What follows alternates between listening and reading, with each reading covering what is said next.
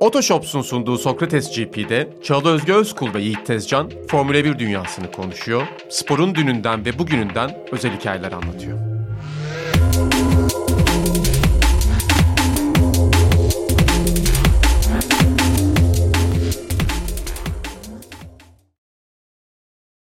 Sevgili izleyenler ve sevgili dinleyenler yeniden merhaba. Sokrates GP'nin yepyeni bölümüyle karşınızdayız. Monaco'dan geldik. Sen özellikle sıcak Yağmurluydu, sıcak geldin. evet. Yağmurluydu. Yayını da dün yaptığın için hani öyle sıcak sıcak geldin dedim. E nasılsın haber? İyiyim ya sen nasılsın? Ben de iyiyim. Yani Formula 1 yayınlarım giderek daha tuhaf bir hal alıyor. Hiç bunu düşünmemiştim abi. Formula 1 yayıncılığı yapacağımı da düşünmemiştim gerçi de yaparken. İşte toplumsal olaylardan ötürü yayın kapalı. Yaptığım iki yayının birinde dışsal bir etken artık keyfimi kaçırıyor gibi bir şey gelmeye başladı son bir yılda. Çok enteresan buluyorum yani. Yani özellikle ilk turda yarış olmaması bence çok iyi denk gelmiş. Yani şu an Aradan düşününce. İmola'nın gitmesine de ben o açıdan sevindim. Evet. Çünkü kafamız başka yerde yani. Evet. Ee, öyle biraz yarış konuşacağız. Monaco'da olup bitenlerden bahsedeceğiz. Belki pazar gününden daha çok ya da işte daha heyecanlı bir şekilde cumartesi üzerine konuşuruz. Çünkü çok güzel geçti cumartesi günü. O günü ben de takip etmiştim. Pazarı sonradan dün kapattım. Yarış da güzel. Aradaki mesai sorununu. Biraz sohbet edeceğiz. E, Programımızı bildiğiniz gibi yine Otoshops Nakit'in katkılarıyla sunuyoruz. Otoshops Nakit aracını satmak isteyip de ilan vermeye üşenenlere, ilana gelen anlamsız sorulardan sıkılanlara, ekspertiz ve evrak işleriyle uğraşmak istemeyenlere oh dedirtiyor. Nasıl mı diye sorarsanız eğer araç satış işlemlerinin hepsini sizin yerinize hallediyor. Aracınızın bedelini aynı gün içinde de hesabınıza yatırıyor. O yüzden Otoshops Nakit'e aracınızı satmanın oh noktası deniyor. Oh. Tüm bu süreci bu kadar kolay hale getirdiği için e, sevgili sponsorumuzun da duyurusunu yapmış olalım. Destekler için de teşekkür edelim. Şimdi benim aynı zamanda Formula 1'e birden gelen notlarım da var da kafam karışmasın. Yani haftanın pit stop haftanın geçişi gibi şeyler seçiyoruz orada. Burada da istersen şöyle cumartesiden akıtmaya başlayalım. Yani uzun zamandır özellikle yeni Formula 1 izleyicisi tarafından eleştiri oklarının üzerinde toplayan Monaco iyi ki var dedirttirdiği bir hafta sonu Ya, başlangıcı özellikle yaşatmış Hafta oldu. sonun geneli bence öyleydi. Yarış da çok heyecanlıydı. Tabii biz sadece önde Verstappen kazanınca yarış heyecanını kaybetmiş gibi varsayıyoruz. Monaco hiç yani muadil olan bir pist değil. Hiçbir piste benzemiyor. Cadde pistine de benzemiyor. Zevkli tarafı bu otomobillerin burada yarışmaması gerekirken yarışması zaten. Yaklaşık 50 yıldır 40 yıldır yarışmamaları gerekiyor. 50'lerde falan makul muhtemelen ama 90'larda falan Monaco'nun çok bir anlamı yok yani o pistte yarışmanın 80'lerden itibaren. Ama dediğim gibi çok olağanüstü anlar çıkartıyor. Hep Monaco yarışları hep böyle tarihi anlar çıkartıyor. Ve so- ikonik bir yarış ve aslında sürücülerin çok farklı şekilde de test edildiği bir yarış. Yani dramatik inişleri çıkışları hep Senna üzerine anlatıyoruz. İşte e, Prost'a bir buçuk saniye fark atıp sıralamada yarış boyu 50 saniye fark açıp bir tur kusursuz gitti bütün hafta sonu tek bir tur Portia'da bir hata yapıp yarış kalması gibi eşsiz anlar sunabiliyor. 96'da işte 4 otomobilin bitirdiği yarış var. Panis'in kazandığı. Özellikle yağmur yağdığı zaman çok etkileyici olabiliyor diye düşünüyorum. Burada da özellikle son bölümde yağmur gelince biraz hareketlendirdi yarışı da. Nasıl buldun cumartesi gününü? Özellikle hani çok da güzel kendi analizler yaptım. Bence burada da bahsedebiliriz onlardan. Verstappen'in polü aldığı özellikle son sektördeki hızıyla da beraber herkes büyülendi. Alonso tarafından çok bakıldı ona ama istersen Ocon performansıyla sen değerlendirmiştin böyle bir üçgen halinde. Evet. Öyle anlatabilirsin Ya şimdi belki. üçünün performansına baktığımızda son sektörü tabaktan çıktık gözüyle canlandırsınlar. Sağa döndük sonra sola doğru bir şikan kesiyoruz. Löklerin de otomobili Hı vurduğu bir noktada. Herkesin acayip yakın geçti. Verstappen oradan iple çekilir gibi kusursuz bir şekilde geçiyor ve Alonso'ya karşı 0-1'i orada zaten kazanıyor. Kazanıyor da Ocon da aslında benzer bir o viraj içinde özellikle bir zaman yapıyor yani. Hani Alonso biraz daha yavaş orada. Daha sonra Raskas'a geldiğinde de çok daha dar bir çizgiyle Alonso'dan dönüyor Verstappen ve otomobili bir şekilde ekseni etrafta döndürmeyi başarıyor o dar çizgiyle çıkmasına rağmen. Asıl fark yani herkese fark attığı nokta, öndeki herkese fark attığı nokta son viraj. Hı hı. Bu dediğimiz Ocon ve Alonso'ya karşı 0-1 kazandığı yer roket gibi çıkıyor otomobil. Anthony Nogis'tan ve çıktıktan sonra Apex'inden sonra fark işte 0-1 kadar 0-150 kadar falan filan öyle bir fark oluşuyor. Şimdi bunun nedeni Verstappen'in orada iyi olmuş olması da olabilir. Yani çizgisine falan bak kusursuz yani. Pistin genişliğini kullanması falan filan. Gaz kontrolü şu bu. Yani çok pürüzsüz bir şey iple çekilir gibi gidiyor gibi yani. Ama tabii şeyle de alakalı olabilir. Red Bull lastiklerini biraz daha geç çalıştırıyor. Belki de turun sonunda onlara fayda sağlamış bir şeydir. Zaten aslında son sektörde hep iyilerdi. İşte düzlük olan orta sektörde iyilerdi gibi bir veri vardı zaten hafta sonu boyunca elimizde. Yani çok büyük bir sürpriz değil tabii ekran karşısında şaşırdım ben. Verstappen 0-2 farktan dönüp pol alınca nasıl yani dedim. Kısacık bir pist 20 saniyelik bir sektör 4 tane viraj var yani ama bir şekilde başardı yine yani. Alonso aldı pist polü diye böyle bir şey oluşmuştu zaten yani o kısımlarda. Biraz pol ödülünü aldı. Maria Sharapova ile ilgili belki konuşmak istersin diye düşündüm. Saçlarını da boyatmış Sharapova gördün mü? Sharapova diye nasıl geçtik ya?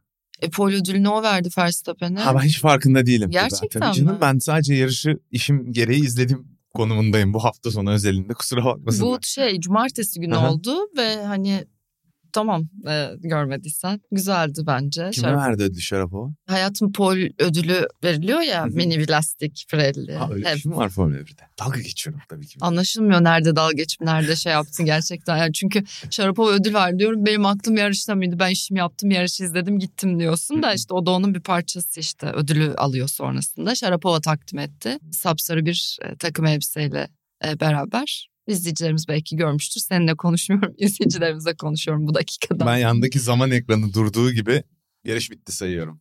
Yani işlem bitiyor ya hani. Sonra hiçbir sallanıyor. şeye bakmıyor musun? Mesela açıklamalara vesaire, Açıklamalara röportajlara. bakıyorum, takip ediyorum onları ama sıcağı sıcağına çok fazla bir şey bakma geleneğini zaten yarıştan sonra hemen yayına girdiğim için kaybettim. Öyle bir şey kalmadı. Bu hala yarış değil. Anlattığım Sıralama şey var. cumartesi Yok, günü sıralama cumartesi günü. sonrası. Ondan sonra yayın için, ertesi gün için hazırlık olarak işte takımların ne yanıt verdiklerini tek tek röportajlarını okuyorum. Anladım. Peki cumartesiyle ilgili Lökler'in aldığı bir ceza var. Norris'le de beraber onu tamamen unutmuşlar gibi görünüyor Norris'i. Dolayısıyla da Ocon orada zaten hazırda bekliyordu ve üçüncü sıradan e, başlama şansını elde etti. elinde, elde tuttu. Evet. E, Kelsey'den yaklaşık bir 0-2-0-3 üstün olduğu bir hafta sonuydu. Bu Monaco gibi yerde zaten çok fark ediyor. Alpine asıl o Red Bull arkasındaki yarışın içinde göründü bu pist özelinde. Ama dediğim gibi çok hiçbir şey test etmiyor Monaco. Bence sürücüyü de teknik manada test etmiyor. Çünkü birbirini takip eden esler yok. Al ver yaptığın virajlar yok. Dön babam dur, dur, durdur arabayı tümsekten kaç. Gazda iyi ol çıkartırken ve duvarlara olabildiğince yaklaşabil pisti Monaco. O açıdan çok fazla bir şey test etmiyor yani. Alpine nerede İspanya'da görürüz diye yorumlayayım onları. Ben ama olağanüstü bir hafta sonuydu o konu açısından. Onları hep konuşuyoruz. Evet zaten yarışta esasen konuşuruz diye düşünüyorum. Yarışa geçelim o halde. Başka bir şey söylemek istiyor musun cumartesiyle ilgili? Yok ben Alonso'nun galibiyetinin nasıl hiç edildiğini söylemek istiyorum. Tamam hadi anlat o zaman. Alonso kazanıyordu yarışı. Eğer 54. turun sonunda girdiğinde Inter'leri alsaydı kabaca bir hesapla 18 saniye pitte kaybedecekti zaten. İki kere pit yaptı. Oradan 18 saniyeyi kaybetti ve muhtemelen o pistte tahminimce 8-10 saniyede kuru lastiklerle gitmekten kaybetti ilk turunda. Yaklaşık 8 saniye diye düşünüyorum. 23 saniye vardı Verstappen'le çıktığı arasında. Kabaca bir 25 saniye desek yani çok kafa kafaya yakın bir şekilde önünde çıkabilirdi Verstappen'in. Yani en azından ihtimali kesinlikle daha kuvvetli olacağı ve orada bir heyecan yaratacağı kuşkusuz. Ama işte Serna abi Formula 1'e bir de dün yorumladı. Bugün izlersin daha şimdi yayına girdi. Böyle olamayabileceğine dair bazı analizler yapmış o da sonra verilere bakarak. Yani direkt Inter'e geçseydi bile Yakındı e, bence. öyle olmayabilirdi. Çünkü şeyi hesaplamamız çok zor Şahıl.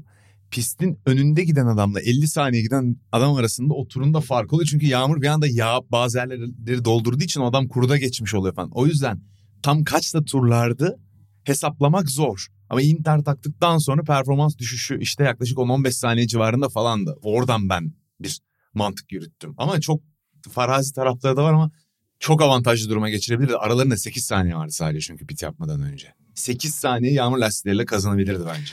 E aslında yani starttan itibaren alacak olursak e, hani ya zaten startta işte ilk viraja kadarki mesafenin kısa olmasıyla beraber orada bir senaryo değiştirmek çok mümkün olmayabilir ve uzun yarış esnasında gelebilecek bir fırsatı değerlendirme stratejisi daha mantıklı gibi görünüyordu herhalde Aston Martin adına. Biraz da öyle de aktı yani yağmurun gelmesi.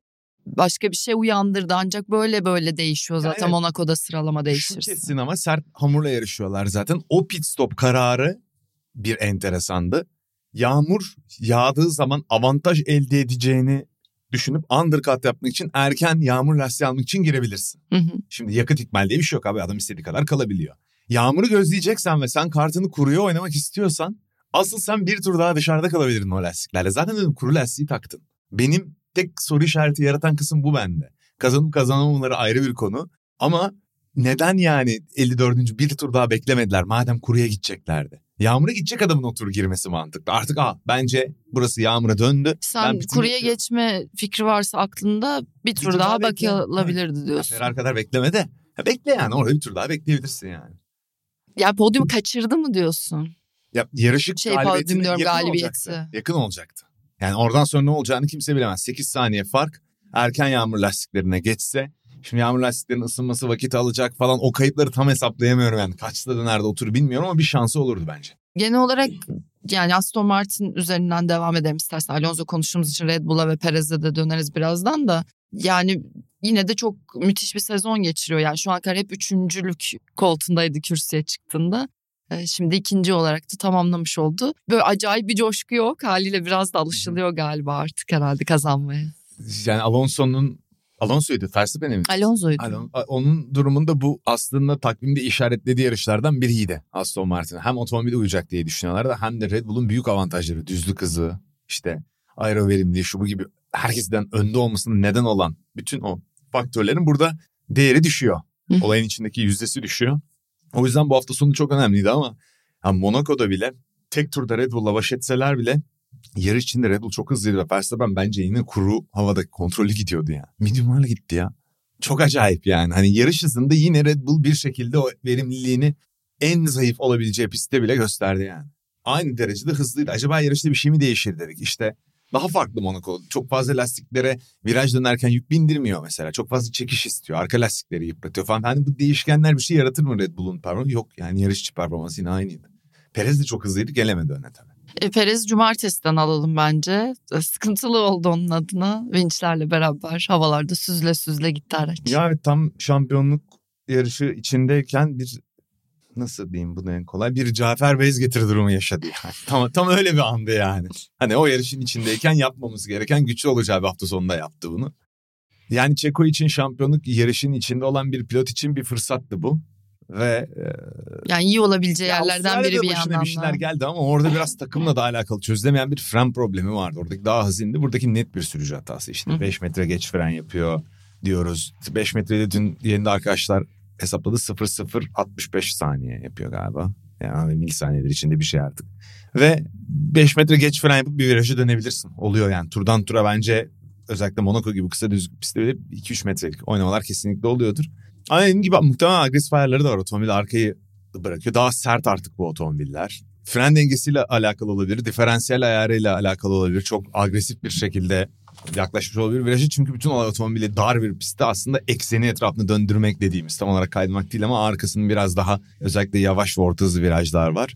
Ön tarafa göre daha çok hareket etmesi yani hız açısından çok önemli Monaco'da. Ya bunların hepsinin bir bileşeni oluyor. Pitten çıkan otomobil dikkatini dağıtmıştır. Muhakkak hızlı tura başlayacak, önüme çıkacak mı çıkmayacak mı falan diye ama işte Q1'de yapılan bir hatanın da telafisi yok. Özellikle böyle bir pistte sonra yani. yarışı da kaybediyorsun Evet. zaten. 39 puan oldu galiba aralarında evet. Yani zaten uzun vadede sezon akışında buranın kopabileceğini hep düşündüğünü söylemiştin. Ama hani bu gibi pistlerde iyi olabileceği yerlerde Monaco, İspanya, Kanada'yı bir atlatırız diyordum yarışın Evet. içinde gibi geliyordu bana. Hiç öyle olmadı Ama daha da önden koptu yani biraz daha mevzu. maalesef. Şöyle yani Aston Martin'de Stroll de bir şekilde Red Bull'da gördüğümüz gibi yani pilotların iki farklı performansları biraz Aston Martin tarafında da öyle oldu. Stroll için de kötü geçti. Yani Stroll açısından gerçi derslik bir geçiş yaptı Sargent'ı. Lance Stroll sürüş okuluna yollamış oldu. Raskas da yaptı. Hatta Perez de o boşluktan aldı. Yazık çocuğun elinden şeyini alır gibi aldılar da tamam Monaco acemiliği yani tam bir.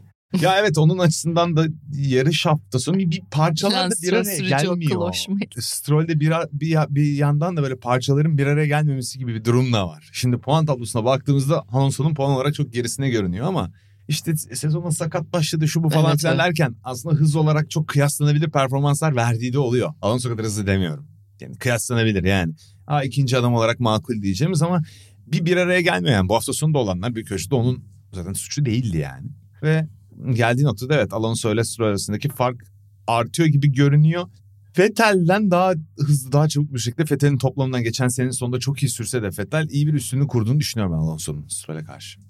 Evet daha net görün. Ama biraz daha sezon içinde şeye daha fazla yarışa ihtiyacımız var. Şanslar eşitlenecek yani. Evet. Birinin yerde şans kötüye giderken birinin iyi gidecek falan filan. Belki biraz daha istikrarlı işler Evet, ama yakalayabilir Stroll. Hani en az şu noktadan sonra şu otomobile bir 2-3 podyum çıkarması evet tabii ki beklenebilir. Beklenir. Çünkü otomobil her yarış podyumda olsun elinde yani Evet. diye düşünüyorum. Ve bunun için takım arkadaşının mağlup etmesi de gerekir. Çünkü normal senaryoda geçiş olan bir pistte çoğu yarışı 1-2 Red Bull'lar bitirecek. Belli bir yere kadar sezonda en azından. Peki Ocon haftanın kazananı, günün sürücüsü.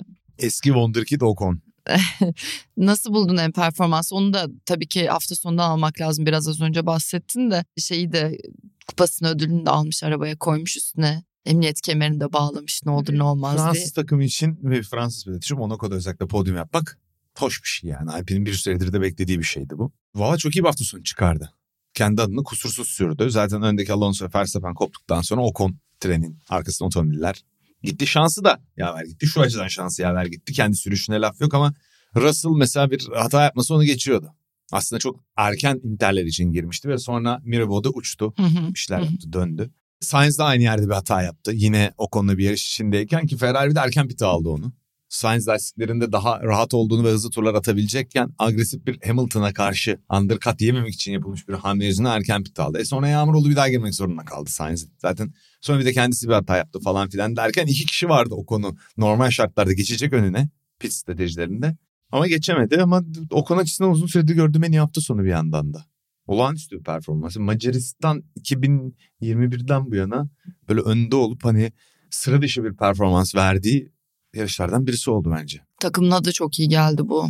Bu Yani- sezon sıkıntılı Yani gidiyorlar hep çünkü. böyle bir mutlu bir beşincilik içerisinde. McLaren'dan da kurtuldular bu sene. Hep o pozisyondalar yani. E, Oradan ileri gitmek istiyorlar. İşte markanın Renault'un tam olarak işin içine girmediği nasıl derler böyle yarım gönüllü bir şekilde bu işte olduğunu falan da konuşulduğu bir dönem yani. Hep pilot ikisi geçen yıl yaşadıkları pilot skandalını falan filan. Bir liderlik eksiği varmış gibi takımda. Hep böyle bir sıkıntısı da varmış ve tam bu işin içinde değillermiş gibi. Onlar açısından iyi bir sonuç. Ama İspanya'yı görmek lazım. Çünkü ben kendileri otomobillerini çok değiştirerek bir konseptle az çok sezonu hızlı başladıkları için gelişebileceklerini düşünüyorum o takımın ben. Çünkü onlar kendi yeni bir anlayışta, yeni bir otomobille geldikten sonra geliştirmeleri için de bence daha fazla şeyleri var. Alanları var diye düşünüyorum. E, son bölümde zaten biraz İspanya atarsın onu soracağım e, oraya bıraktım. Şey Mercedes'e geçelim istersen. Hamilton cumartesi günü özellikle çok mutluydu, keyifliydi. Yani Mercedes'in güncelleme paketini izleyemediğimiz için İtalya'da yarış koşulamadığından dolayı. Burası da çok da makul bir yer değil herhalde anlamak için bunu zaten ama yani sürücü mutluluğu herhalde önemli deneme sürüşün ardından. Çok keyifliydi uzun zaman sonra hani Monaco'da da böyle keyif almamıştım dedi. Araçtan memnun olması önemli. E, kendisini bir süredir üzgün ve mutsuz görüyorduk çünkü. Ya karakterin otomobil sürüş karakterisini beğenmişler bu arada. O yönde bir sıkıntı olmadı. Bir yarışçı performans değildi değil mi? ama Monaco çok sıra dışı pist yani bir şeyleri ölçmek için. Şimdi ön süspansiyon değişti. Tabanın yanları değişti. Taban tam güncellemesi İspanya'da geliyor benim anladığım kadarıyla. Bir de ne değişti? Heh, sidepod tabii çok önemli Hı. konuştuğumuz zero pod konseptinden dönüldü. Şimdi yeni süspansiyon, yeni sidepod, yeni taban bu yeni bir otomobil demek. Karakterini yani çok farklı yapacak bir şey otomobilin. Tamamen zıt kutuplara ilerlenmiş bir tasarım. Bu yeni bir otomobil demek. Şimdi dün ben yayında da tartıştım. Bütçe kısıtlaması olmasa Mercedes bence yeni bir şasiyle. Hani o imkanlar içinde bu senenin geliştirmesi yeni bir şasiyle bu seneye işte bir bu da B otomobili oluyor sayılır ama böyle yeni bir ikinci bir otomobil çıkartarak gelmeyi deneyebilirlerdi. Hatadan dön sezon ortasına yetişen otomobiller oldu. Eskiden McLaren yapardı bunları. İzleyiciler, eski izleyiciler hatırlar. Yani şimdi iki farklı taraftan otomobili bir Frankenstein gibi yeni bir konsept. Ve orijinal bir kon- konsept çünkü. Motoru kendileri üretiyor. Her türlü veri ellerinde var. Arka tarafı biliyorlar. Kendileri yapıyorlar. Ne ortaya çıkacağını bilerek bir ön taraf işte sidepod taban şubu hazırlayarak bir felsefeli bu döneme giriyorlar. E şimdi tamamen zıt bir önde gidiyorlar. Ama arka taraf aynı. Bu Frankenstein yapıyor. Bu da biraz otomobili. Çok Yani hızlı bir Frankenstein olur mu bilmiyorum. Göreceğiz. Bunu şeye başlığa taşıyalım bence. Bu bölümün Ama şeyinde yani, Frankenstein, de çok- Mercedes. çok ısrar ettiler. Onların Zero Sidepod'da yapmaya çalıştığı kabaca havayı arkaya atmakta otomobilin üstünden. Diğer e, daha geniş, daha farklı Ferrari'nin Sidepod Sen olsan ne yapardın? Yani bu konuda ben karar verecek aerodinamik yetkinlikte değilim. Program yapan kimsenin olmadığını düşünüyorum genel olarak. Taşımda atayım yani değiliz. Ama Ya elbette tabii ki. Ama, Ama- sonuçta yorumluyoruz ya şu Ya evet. anda. yani ben herhalde geçen senenin sonuna kadar çok zor çünkü Mercedes'te devamlı düz bir sonuç alma baskısı var. Şimdi Mercedes şirket açısından düşündüğünde tamamen kurumsal düşün. Geçen sene bir yarış galibiyeti alınmış olması yılların ardından başarısız geçen sezonda önemli bir başarı. Bunu da ancak o otomobile yatırım yapıp ilerleterek Brezilya'da başardılar. Hani Red Bull'un daha geliştirmeye başlattığı bir zamanda.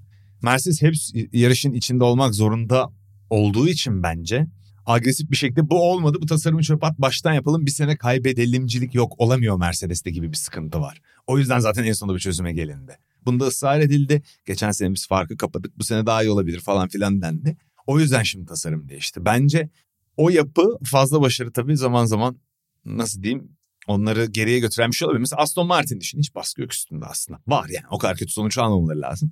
Geçen yıl İspanya'da yeni sideboot ve tabanla da geldiler sanırım ve çok 3-4 yarış sürdü performans almaları. Bugün geldikleri noktaya bak. Daha serbest bir şekilde hareket etti. Belki Mercedes de aynı başarıyı yakalar. Yeni konseptiyle onu bilemem. Yani aslında sezon başında sen olsa vazgeçer miydin? Ya sezon başında bu olmaz mıydın? girilmeliydi. Otomobilin tümü ona uygun evet. olmalıydı. Tam aslında bunu sormak Böyle çalışmaları. Evet yani ben de onu düşünüyorum. O yüzden Frankenstein diyorum zaten. Evet. Frankenstein sanırım. Bunu koyacağız ya belli oldu. Hatta fotoğrafa da tam neyle Yiğit ben ve Frankenstein'i koyalım. Russell ne söyleyeceksin Russell? Ya işte yaptığı hata sonucu şeyi kaçırdı. Evet. Olası bir podyum o konu yaradı. Evet o konu yaradı. Yani genel olarak da Mercedes açısından çok deneysel bir hafta sonuydu diyebilirim. Deneyseldi yani. Ha şimdi. Leclerc. İşte dediğim gibi onlar strateji hatası yine yapmayı başardılar. Bir Leclerc'in ilk ceza aldı sıralama turlarında sanırım tam olarak Leclerc'in suçu olmayan bir şekilde arkadan gelen otomobille ilgili kendisine hani zamanında info gitmiyor. Hasan iyi misin ya? Leclerc fanı galiba. Yine kaldılar değil mi oraya? Yine beceremediler cumartesi. Adam 3 sıra kaybetti. Sonra pazar günü geldik işte. Okulun arkasında gidiyordu ne güzel. Sainz'e lastik avantajı olacak. Lastiğim de çok iyi durumdaydı. Hızlı turlar atabiliyordum. Bir radyoda bunun tartışmasını yaptı. Zorla pite soktular. Hamilton önden pit yaptığı için onu işte coverlamak için vesaire. O konuyla alakalı değil diyorlardı yine hamle. Yine bir Ferrari üst aklı şeklinde derin görünmüş bir strateji hamlesi. E, son derece başarısı oldu. Yağmur lastiklerinde geç kaldılar. E Sainz bir de spin atıp Lökler'in arkasında kalınca double stack yapmak, arka arkaya pit yaptırmak zorunda kaldılar falan derken yine ya artık nasıl diyeyim Ferrari ile alay etmesi bile zevkli değil artık. Bunlar evet küçük ya. Çünkü. Ufak yani bunlar bir şey değil. Bunlar bir şey değil ama de bilmiyorum şimdi Ferrari'nin ikinci koltuğu için başka bir pilot çok konuşuluyor. Sainz'in yerine. Böyle de bir şey var. Hani Hamilton geliyordu. İşte Hamilton olmazsa Perez dedikodusu çıktı zannetmiyorum. Yani Red Bull'un sırlarına yönelik bir çalışma yapsam Perez almaz. Yani çalışsın diye düşünüyorum. O değildir amaç. Perez'in yavaş yavaş kariyerinin sonlarına doğru. Hani sonbaharına geldik hani. Daha zayıf takımlarda yoluna devam edecek bir iki sezon sonra bence. Başka dedikodu var mı isim? Çok, çok isim geçiyordu ya. Senin bildiğin var mı? Yok. Daha çok güçlü bir aday vardı sanki. İşte en güçlü aday Hamilton gibi gösterdi. Bakalım göreceğiz. Hayır bu Hamilton üstüne ikinci pilota dönmüş ya mevzu orada var mı diye merak ettim. Mercedes için mi? Hayır Ferrari için ikinci pilot dedikoduları çıktı dedin ya. Ha, Hamilton hariç Hamilton ikinci mi? pilot olmayacağı işte için. Perez dediler. Yok ikinci pilot anlamında değil. Yani ikinci koltuk derken aşağı koltuk Leclerc yerine. Leclerc'in yanına. Yanına. Yanına. Hah, yanına değil. Sainz'in yerine. Evet. Doğrusu. Aynen. İşte Perez dedikodusu da çıktı. Ben onun tutarlı olmadığını anlattım demin. Hamilton olabilir. Bu ikisi herhalde ağırlıklı çıktı ya. Onu artık bekleyip göreceğiz ya bir daha bu Ya bence yapacak iş kalmadı. Bundan da pilot o yaz dönemi o ilginç silly season başlamadan önce Formula 1'de pilot konuşmaya başladık bile. Çünkü işte yarışlar insanları çok artık eskisi kadar heyecanlandırmıyor. Niye heyecanlandırmıyor bilmiyorum. Seni heyecanlandırıyor işte. Yani yaşadığımız dünyaya bakarsak heyecanlandırmaması normal ama onun haricinde bu normal. Oo, çok heyecanlıyız şu an. Oo, çok heyecanlıyım. E, heyecanlanmadın mı İspanya için? Kim kazanır? Ya, bilmiyorum şu an şu an heyecanım genel olarak şey, hiç yok işte. hayatına. Şey iyiyiz ya. Ve ben hani yarışı pazar günü zaten seninle konuştuk. Pazar günü takip edemediğim için e, sağ olsun Caner'im de programı kaçta çekelim bilmem ne gibi soruları tam 17'ye bırakmış. E, kafalar gitti. Şey, McLaren Haas, Alfa Tauri, Williams, e, Alfa Romeo onlardan bir şey atmak ister misin? McLaren ikisi de puan aldı. Piastri'de, Norris'te. Yoksa başka bir şey mi geçelim? Yani takım takım akmayı sevmiyoruz ya biz o yüzden hani öyle akmak istemedim Hayır, ama. Hayır konu varsa tercihen onu alırım. Ne Valla Şarapova vardı geçtin. tamam ne yaptı işte Şarapova bize canlandır. Nasıl yaptı ödül takdim etti. Kime? Perez'in başına bir iş gelmiş mi? Verstappen'e. Monaco'da. E, bu hafta sonu gelmemiştir artık. Zaten gelen geldi Yap, diyorsun. yapacağını yaptı. Geçen sene acısı çıktı diyorlar. Bir de o tartışmalı spini vardı ya Porto'ya girişinde. Hani. Aha, aha. Ahını alırsan alacağı bu mu? Monaco intikamını alır falan. ya bari en Şöyle azından bir özlü söz atsaydın bu programda. Geçen hafta üç tane falan söyledin. Ha, özü söz mü? Söyleyeyim. Her hafta bir tane söyle. Kimle ilgili olsun? Pilot mu seçeceğim? Ya da takım. O konuyla ilgili olsun. Driver of the Day'e Yiğit Tezcan'dan bir özlü söz geliyor. Ya İstikrar başarıyı getirir. Çok çalışmaya devam edin gibi bir şey geldi aklıma benim. Sen düşün. Programa geldiğiniz için çok Aa. teşekkürler. İnanmak başarmanın yarısıdır falan mı? Yok. İnanmak başarmanın O yarısıdır için. oldu o konu için. Hmm, dur düşüneceğim. Ay ben de hiç anlamam öyle şeylerden. O konu Wonder Kit'liğinden girelim. Yani yetenek hiçbir zaman insanı terk etmez diyelim. Doğru şartlar altında ortaya çıkar diyelim. Bu daha iyi oldu değil mi? Evet. Eskiden Wonder Nispe. Kit'li çünkü. Evet, evet Evet. daha iyi. Öyle bende başka bir şey yok. Biraz da İspanya istersen konuşalım. En azından biraz daha normal bir yere dönüp araçlar ne alemde ya görece, görebileceğimiz bir yer gibi görünüyor. Şimdi İspanya güzel bir ülke diye başlıyormuşum ve ben siyasi yapısından bahsediyormuşum. O girersen çıkamayız. Çok karışık bir falan böyle. çok karışık bir ülkedir. Bizim kadar olmaz. Yok hiç girmeyelim. Şikan iptal. Arkadaki Hmm. orası artık düz gidecek. Bu Ee, sevindirici bu bir haber daha- oldu hayır. Red Bull'a bir tık daha yönelik yapıyor yani. Saliseler içinde biraz da ona yönelik bir pist yapmış oluyor. İşte Aero'nun yıllarca test edildiği pist. Şu ana kadar elimizdeki tüm pistleri düşünüyorum. Evet Aero'nun en adam akıllı test edileceği yer burası olacak. Çünkü Azerbaycan şey gibi kare kare kare dönüyorsun. Hani klavyeyle oyun oynar gibi. Monaco Aero'yu test etmiyor. Bahreyn nispeten ediyor ama onda da asfaltın üzerindeki değişkenler toz hava şu bu falan filan karıştırıyor. Avustralya yine aero konusunda biraz test ediyor ama çok çekiş isteyen bir pist. Başka nereye gittik biz ya? Suudi Arabistan. Aa, düzlükler falan. Ve en bence Suudi Arabistan'dır. Bugüne kadar şeyini gösteren. Bahreyn, bence. Suudi Arabistan, Avustralya, O da yeni bir yer işte yani. Azerbaycan, İtalya gitti. Ne vardı ya başka? Miami. Miami vardı evet. En çok aero test eden pistlerden birisi bu olacak herhalde diye düşünüyoruz. Ama ben yine test edildiğini büyük ölçüde düşünüyorum. Bir tek bu yenilikler Alpine ve Mercedes'in performansını ben biraz merakla bekliyorum açıkçası. Daha çok alanı var dedin Evet. çünkü Yani aracın Red akışında. olarak favori gittiği bir pist zaten. Aston'un iyi olacağı bir pist özellikle. Ya- e, aero konusunda iyiler. Verimlilikte biraz sıkıntılılar. Yani düzlüklerde otomobilleri biraz yavaş. Aston'da iyi olacak pist olacağını düşünüyorum ben. Ama dediğim gibi McLaren'ın Mercedes'in yaptığı yeniliklerin tam olarak ne yaptığını anlamamız için biraz daha beklemek gerekebilir. Hep öyle oluyor çünkü. 5-6 yarış beklemekte fayda var diye düşünüyorum ben. Sonra zaten yani Barcelona ile beraber önemli bir kısmı artık geçilmiş olacak. Kanada'ya gideceğiz sonra. Evet orada bir ara var. Kıta değişikliği. İki hafta sonra iki hafta sonra tekrar Git gel, Avrupa'ya geleceğiz. Kanada sonrası dur önümde açık. Avusturya var ha. Bir aksilik olmazsa ona gideceğim. Red Bull'un. Oraya mı gideceksin? Bir aksilik olmaz. Dur bakalım nazar demesin. Tık Red, tık. Red Bull'un evi, evi yani. Kendi Evet. stadyumu. Her yer turuncu oluyor evin. evet. Öyle yani. Bu İki olduk. Ya öyle gelmiş olduk. Kaç dakika? Sen de çok keyif aldın bu yayının her saniyesinden. 33 oldu. Sen de çok keyif aldın Çok gerçekten de. Çıkınca şurada bir sarılalım. çok keyifliydi. Bir de burası metro turizmi gibi kokuyor. Kolonya kokuyor. E, Bugün zor oldu biraz ama bunları yavaş yavaş düzelteceğiz. Sesimizi duyurun diyor. Hiç bu aradan Hasancığım. çıkma izni yok. Hallet Hasan yok öyle şey olmaz. Bunları halledeceğiz Hasan'cığım merak etme sen. Yarın oturuyoruz. Çok teşekkürler Yiğit. Bizi dinlediğiniz ve izlediğiniz için teşekkür ederiz. Biraz malum yani. Haftaya güzel olur. İspanya'nın ardından. E, Burada buluşacağız. Otoshops Nakit'le beraber. Onlara da tekrar teşekkür edelim. Ve bu haftalık noktalayalım. Haftaya görüşürüz. Otoshops Sokrates GP'yi sundu.